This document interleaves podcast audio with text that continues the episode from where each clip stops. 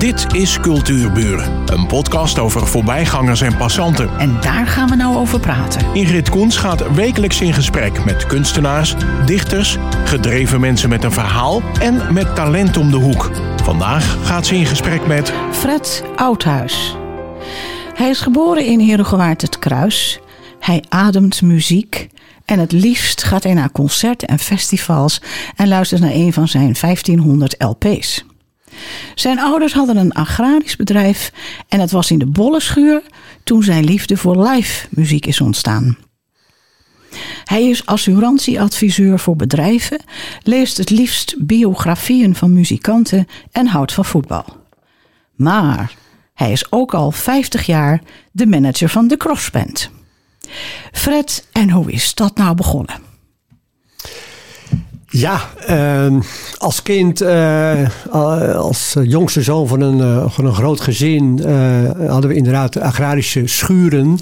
En in een van die bollencellen, mijn vader had een agrarisch bedrijf, die hebben we toen de tijd omgebouwd als repetitieruimte voor, of voor bands om te kunnen repeteren. En, uh, en die hebben we later zelfs helemaal uh, verder verbouwd tot muziekstudio, waar je muziek kon opnemen. Dus met een regiekamer erbij en dergelijke. En daar oefende toen de tijd uh, de, de crossband. En mijn broer was daar zanger van, leadzanger.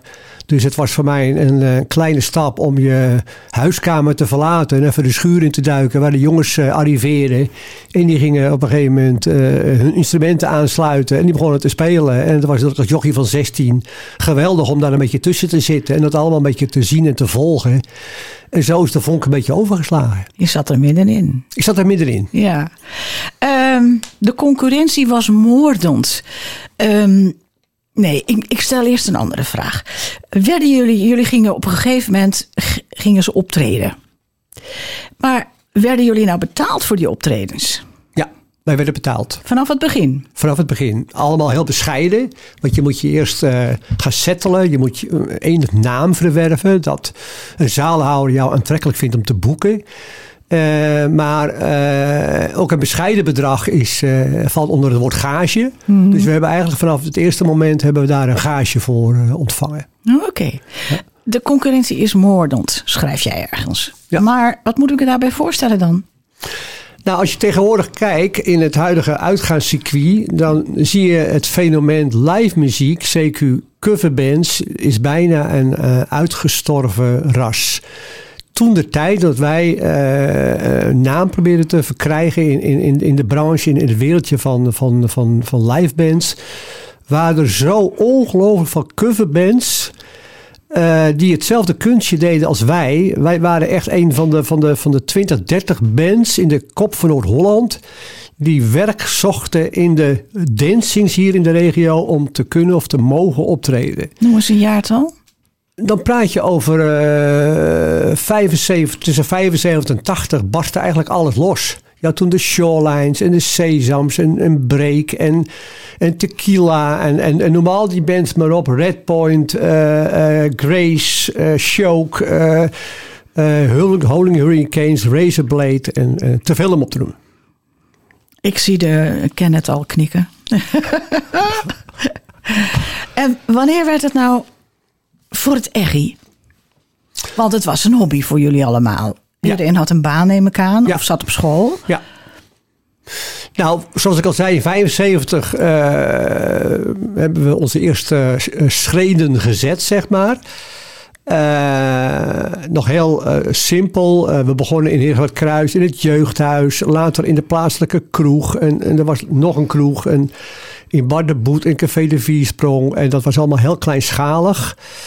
En uh, toch richting jaren 80, 1980. Uh, we hadden regelmatig wisselingen van, van formatie. Hè? Want de een zei van ja, ik kan het niet meer combineren met mijn werk. Dus ik stop ermee. Op mijn vrouw vindt het niet meer leuk dat ik vaak weg ben.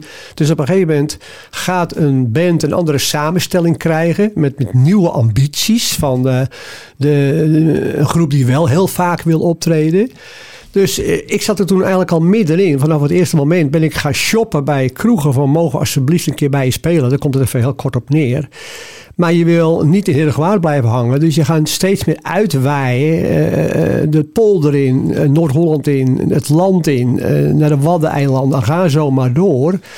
En ik denk dat het op een gegeven moment jaren 80 was. En toen hadden we zoveel werk dat we op een gegeven moment een rechtsvorm gingen aannemen. We werden een VOF. Waar alle apparatuur, de vrachtwagen in kwam. En, en toen werd het gewoon een serieus uh, bedrijf. Uh, waar ook salaris uit betaald werd richting de bandleden.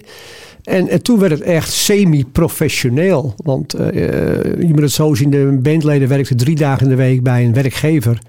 En die andere twee dagen uh, inkomstenverlies moesten uit de band uh, vandaan komen. En dat was mijn pakje aan om dat te realiseren. Dat is best heftig dan, hè? Nou, ik heb best wel uh, enige druk gevoeld toen de tijd. Want je hebt toch vijf, zes gezinnen die erbij betrokken zijn. Ja. Dat alle keer als ik de repetitieruimte binnenkwam, had ik de, de agenda mee voor de maand erna. En dan lag de lat wel hoog. Ziet dat er een beetje normaal uit. En hebben we niet te veel hiaten in de, in de data's. Ja, dat is toch ook wat. Als een band groeit, dat het. Ja. Want jullie bleven natuurlijk nog steeds amateurs. Dus vandaar die banen daarnaast. Ja, ja.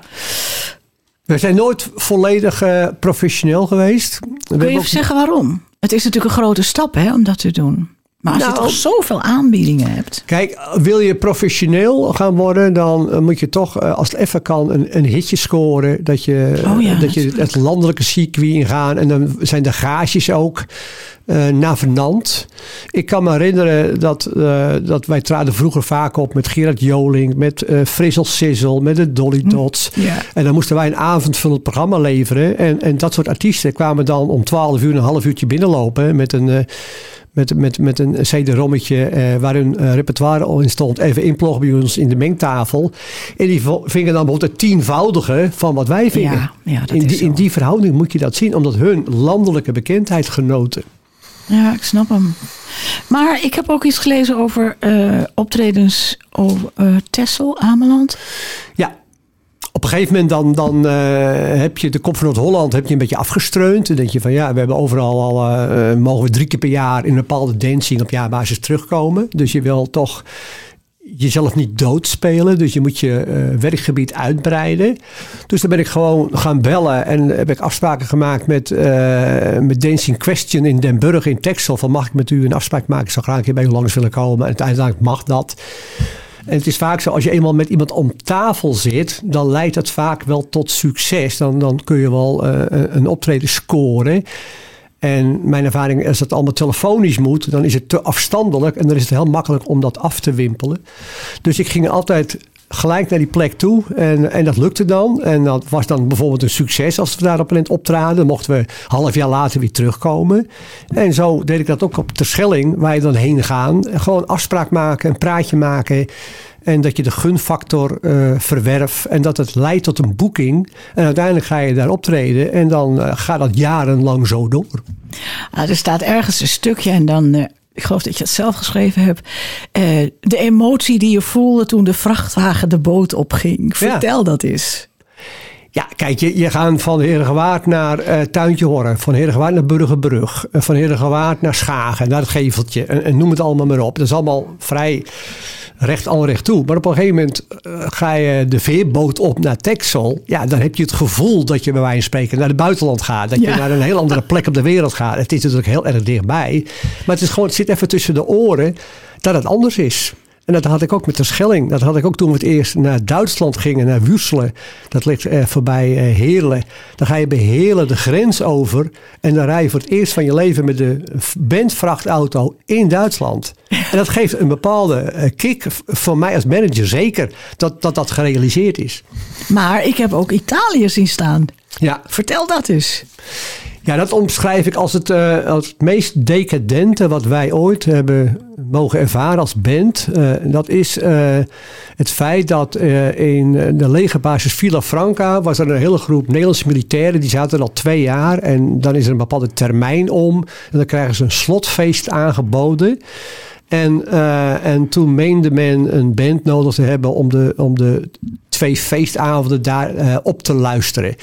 En toen ben ik eh, op een gegeven moment in contact gekomen met iemand die daar eh, een beetje de scepter zwaait. En op een gegeven moment eh, werden wij in de gelegenheid gesteld om daar te gaan optreden. Maar goed, je bent een week van huis. Je, je zit met werk van bandleden, mensen met gezinnen. Dat is geen appeltje eitje. Uiteindelijk waren alle neuzen dezelfde kant op. En toen hadden we het rond. We hadden een, een week dat we daar naartoe gingen. Dus de band, de, vracht, de installatie ging naar Eindhoven. Die moest helemaal ingeklaard worden in een Hercules vrachtvliegtuig. Oh. Allemaal met allemaal protocollen. Geweldig. En met kanetten moest je inleveren. Je moet elk uh, boutje, een schroefje moest je op papier hebben wat daar het vliegtuig in ging. En wij gingen met het uh, vliegtuig van uh, Joris Voorhoeven. Die had een eigen vliegtuig van minister van Defensie. En dat vliegtuig bestond alleen maar uit een open ruimte met acht fout thuis in, in, in een kring om te vergaderen tijdens de vlucht. En daar zaten onze acht bandleden zaten daar dan in. En wij vlogen naar eh, Villa Franca. Oh. Vlak bij het Gardermeer. En daar zijn we een week geweest. twee keer opgetreden. En uh, er waren twee Volkswagen busjes tot onze beschikking met chauffeurs. En die brachten ons elke dag ergens naartoe om sightseeing dingen te doen in Venetië. En we werden rondgeleid en we werden in de watten gelegd. Oh man. Het is eigenlijk niet te geloven. Ja, als echte sterren. Ja, ik zei al, we hebben eindelijk wat belastinggeld teruggezien in die week. ja, dat is wel onvergetelijk lijkt ja, mij. Ja, hè? ongelooflijk. Maar uh, heb jij ook nooit zin gehad om iets te gaan doen, iets te spelen of zingen of zo? Nou, daar liggen niet mijn kwaliteiten. En, uh, dat zeg je wel heel politiek. Ja. Kijk, je hebt altijd mensen die uh, op het podium uh, een rol spelen. Maar je moet ook mensen hebben die backstage hun ding doen. En ik heb het altijd gefaciliteerd, noem ik het maar. ik doe de dingen achter de schermen zodanig dat de band uiteindelijk kan optreden. En dat is iets wat een beetje in me ligt. Dat, dat, dat, dat voegt me, dat, dat, dat lukt me. En dat is ook gebleken gezien die lange periode dat ik het gedaan heb.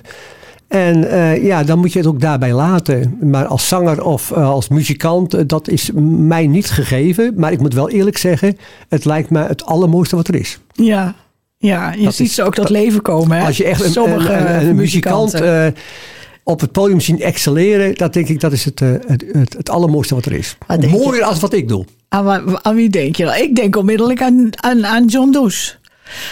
Nou, ik, ik, ik, ik, dacht meer aan, uh, top, aan, aan Rolling Stones uh, en U2-achtige bands. Ja. Uh, die alleen maar stadionconcerten doen, die aanbeden worden door de hele wereld. Dat is, dat is een ongelooflijk gebeuren. Alleen maar omdat je een instrument bespeelt, bij wijze van spreken. Dat is maar ja, zo voelden die jongens op het toneel. Voelden zich ook zo. Ja, ja, je moet het ons zien. Wij, wij, wij traden natuurlijk op in de, in de, in de, in de vierde klasse van, van het amateurvoetbal, om het zo maar te vergelijken. Terwijl uh, Rolling Stones U2 de Champions League is. In die verhouding moet je ons zien. Maar de kick was er bij ons vaak niet minder om. Als je kijkt wat voor succes we hadden met live optredens en met fans en met, met, met het hele leven. Wat je doet als je met een band door Nederland toert. Ja, dat is eigenlijk hetzelfde, maar dan Ja, een beetje, een beetje op kleiner formaat. Het is kleinschalig, Daar heb je maar- zelf geen erg in. Maar ik denk dat de kick hetzelfde is. Ja, dat denk ik ook. Ja, dat denk ik ook. Ik ben één keer bij de, ehm, onder andere, bij, één keer bij de, de uitreiking van een, hoe heet het ook weer, een single. Ja, ja, ja. Het was op vinyl zijn jullie uiteindelijk begonnen natuurlijk. Ja. En vertel daar iets van. Dat was, die begon met dat hele subtiele pianootje. Ja, dat was dan denk ik 1983. Toen hadden we eh, ook weer zo'n kickmoment. Toen hadden we eh, onze eerste single uitgebracht. Dat was de single Cubes Generation. En we wilden daar toch eh, qua publiciteit even flink over uitpakken. Dus ik had een, een soort met single eh, presentatieavond georganiseerd in de plaatselijke kroeg in Heerlijk Kruis in Café de Viersprong. En we dachten van ja, we moeten eigenlijk een bekende Nederlander hebben die dan aan de manager van de band het eerste exemplaar uitreikt, zeg maar. Dat was een beetje het, het draaiboek. En ik had mijn zinnen gezet op een chef van Oekel. En, Waarom? en Waarom chef? Nou, chef van Oekel was ik fan van. Eh, hij had toen ook eh, tv-programma's. Hij had een, een radioprogramma waarbij hij mensen een beetje voor de gek hield. En ik vond het een geweldige komiek, en een geweldige man om te zien. En ik wilde heel graag met hem in contact komen, maar dat lukte niet. Eh, uiteindelijk eh, had hij toen ook een stripboek Ja, En klopt, ja. ik heb toen de uitgeverij van het stripboek gebeld. En ik heb eigenlijk op een beetje slinkse manier, eh, ik weet niet precies meer wat voor smoes ik verzonnen had, maar ik heb wel zijn 06-nummer gekregen toen de tijd. Dus ik, ik, ik had hem op een gegeven moment rechtstreeks chef van Oekel aan de telefoon. Oh, wauw. En ik vroeg aan hem, dat en dat zijn de plannen. Zou jij dan bij ons kunnen zijn, uiteraard tegen betaling, om eh, ons die eerste single te overhandigen? En hij, hij, het was een tijdje stil en hij ging een tijdje in zijn agenda kijken. En hij zegt, laat ik eerst eh, verklappen dat ik ongelooflijk vereerd ben dat je me bel. En waarom doe je dat? Nou, ik zeg, ik ben fan van Chef van Oekel. Nou, nou, vond hij helemaal geweldig. Maar in ieder geval, hij was die avond niet in de gelegenheid. Hij zei, ik had het graag willen doen, want ik het een heel aparte klus. Maar eh, ik ben niet in de gelegenheid, dus daar hield het mee op. En toen heb ik uiteindelijk eh Sjoukje, eh, Maggie McNeil, hè, Sjoukje van Spijker heet ze zeker. Ja, ja. Maggie McNeil kunnen Later, heet, benaderen. later heette ze Smit. Later Smit, ja. Ja. En eh, die woonde toen in Warme Huizen, was vlakbij. Ik ben bij Sjoukje thuis geweest om het te bespreken. En ze zei, dat vind ik leuk, ik kom. En uiteindelijk was er op die avond. En het is zo gegaan zoals het gegaan is. Ja. Ja, het was een geweldige avond. Ik was er ook bij. Oh, en, en nog jong en mooi, hè, in Ja, die ja. tijd. Eh, toen die band door Nederland begon te toeren, werd het toen niet veel zwaarder. Want Ja. eh, ik neem aan dat iedereen een baan had of- en een gezin. En, Ja. en jullie, je zegt net, ze konden nog maar drie dagen werken. Want de rest was, werd in beslag genomen door het weekend Ja. waarin gespeeld moest worden. En dat was niet altijd dicht, dichtbij. Ja. Vertel eens iets over die tijd. Nou, dat was inderdaad zwaar. Eh, kijk, wij waren op een gegeven moment waren wij op een punt aangebroken dat wij 100 keer per jaar speelden. Dat hebben we een jaar of 7, 8 gedaan. Dat wil zeggen, elk weekend twee keer. En als je af en toe nog zo'n vakantie eh inlast van twee, drie weekenden, dan zit je bijna op weekenden eh, van, van drie keer per weekend.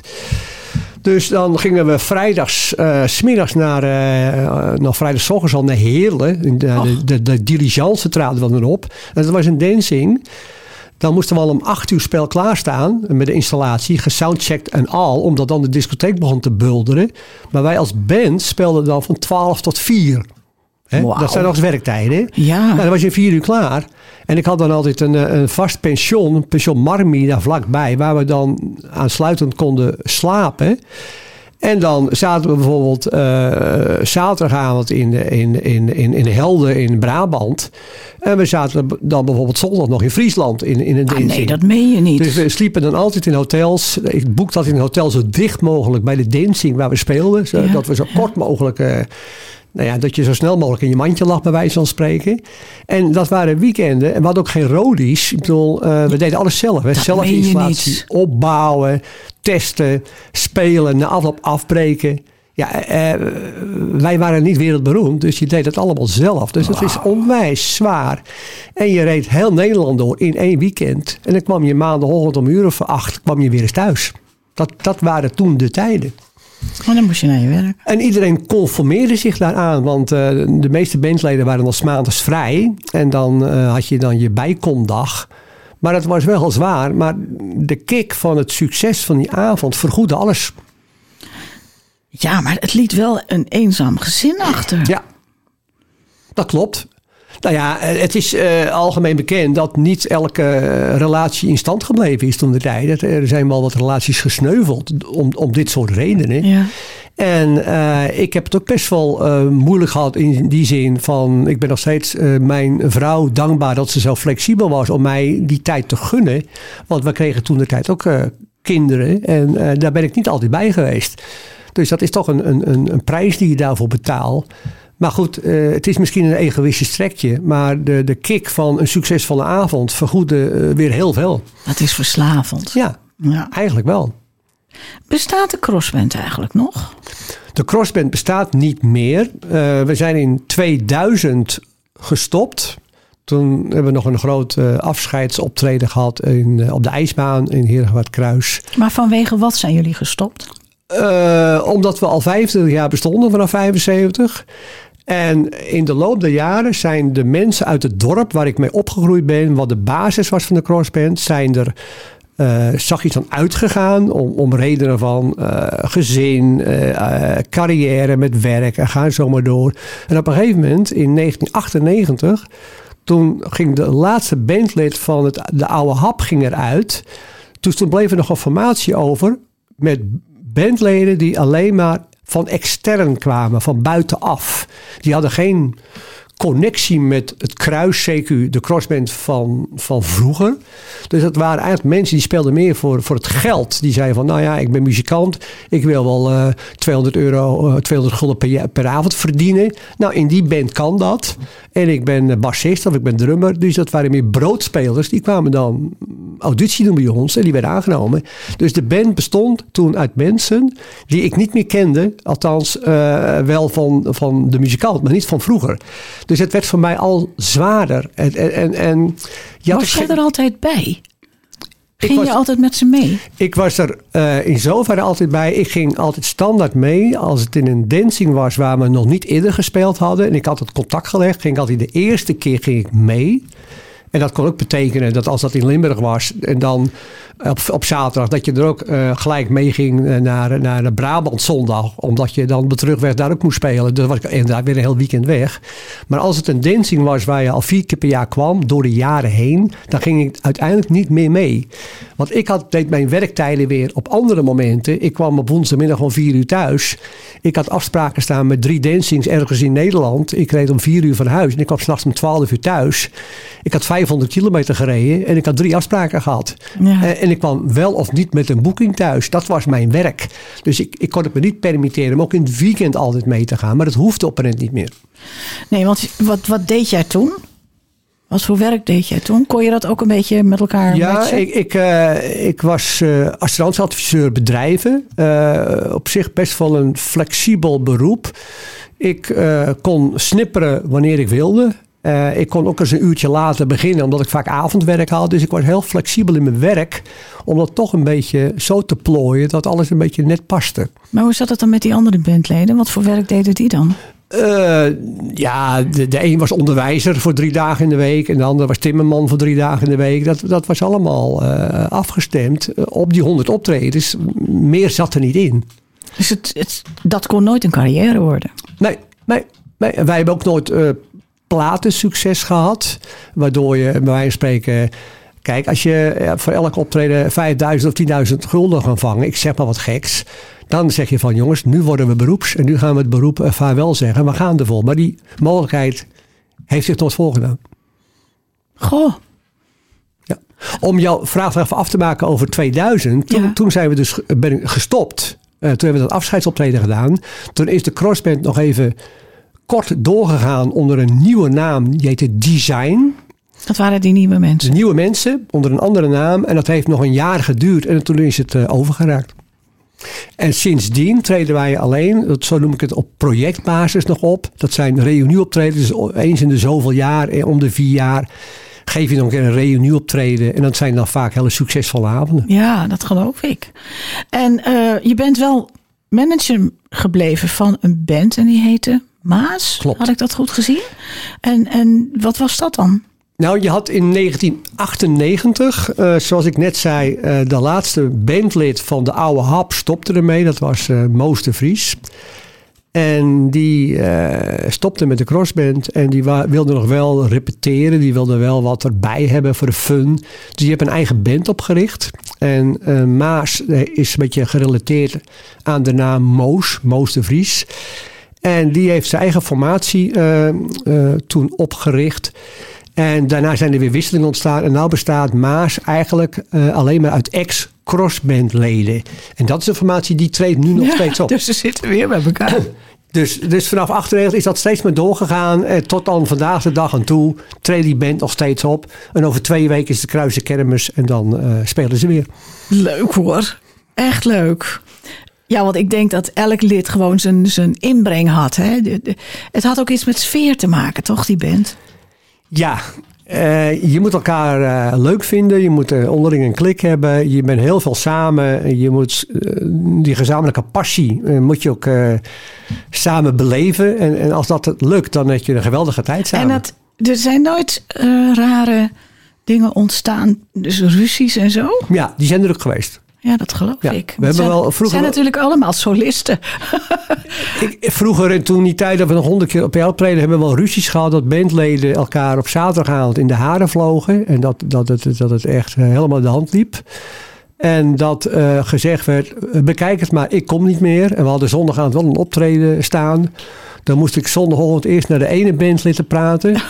En een uur later naar de andere bandlid te praten. Van zijn er nog compromissen mogelijk? Kunnen we elkaar ergens vinden? En dan was het heel erg spannend van gaat het optreden vanavond nog door? En dan twee uur later was toch de strijdbijl weer begraven. En was het alsnog mogelijk om drie uur weer naar een optreden toe te rijden. Zijn die, die, momenten hebben zich ook voorgedaan. Ja, zijn altijd vrienden gebleven. Maar daarna is, is alles weer koekenij even later. Even een snel antwoord, want ik ben toch wel benieuwd. Wat is voor jou nou de leukste herinnering? En toen was het stil. Ik denk Franca, Italië. Omdat Toch, dat het gewoon zo de overtreffende trap was van speciaal. En jullie werden behandeld als sterren. Inderdaad. Fred Oudhuis, ik vond het ontzettend leuk dat je er was. Doe ze allemaal de groeten van me. En uh, graag tot ziens. Graag gedaan, dankjewel. Dit was Cultuurbuur. Een podcast van Ingrid Koens en Streekstad Centraal. Bedankt voor de aandacht en tot de volgende Cultuurbuur.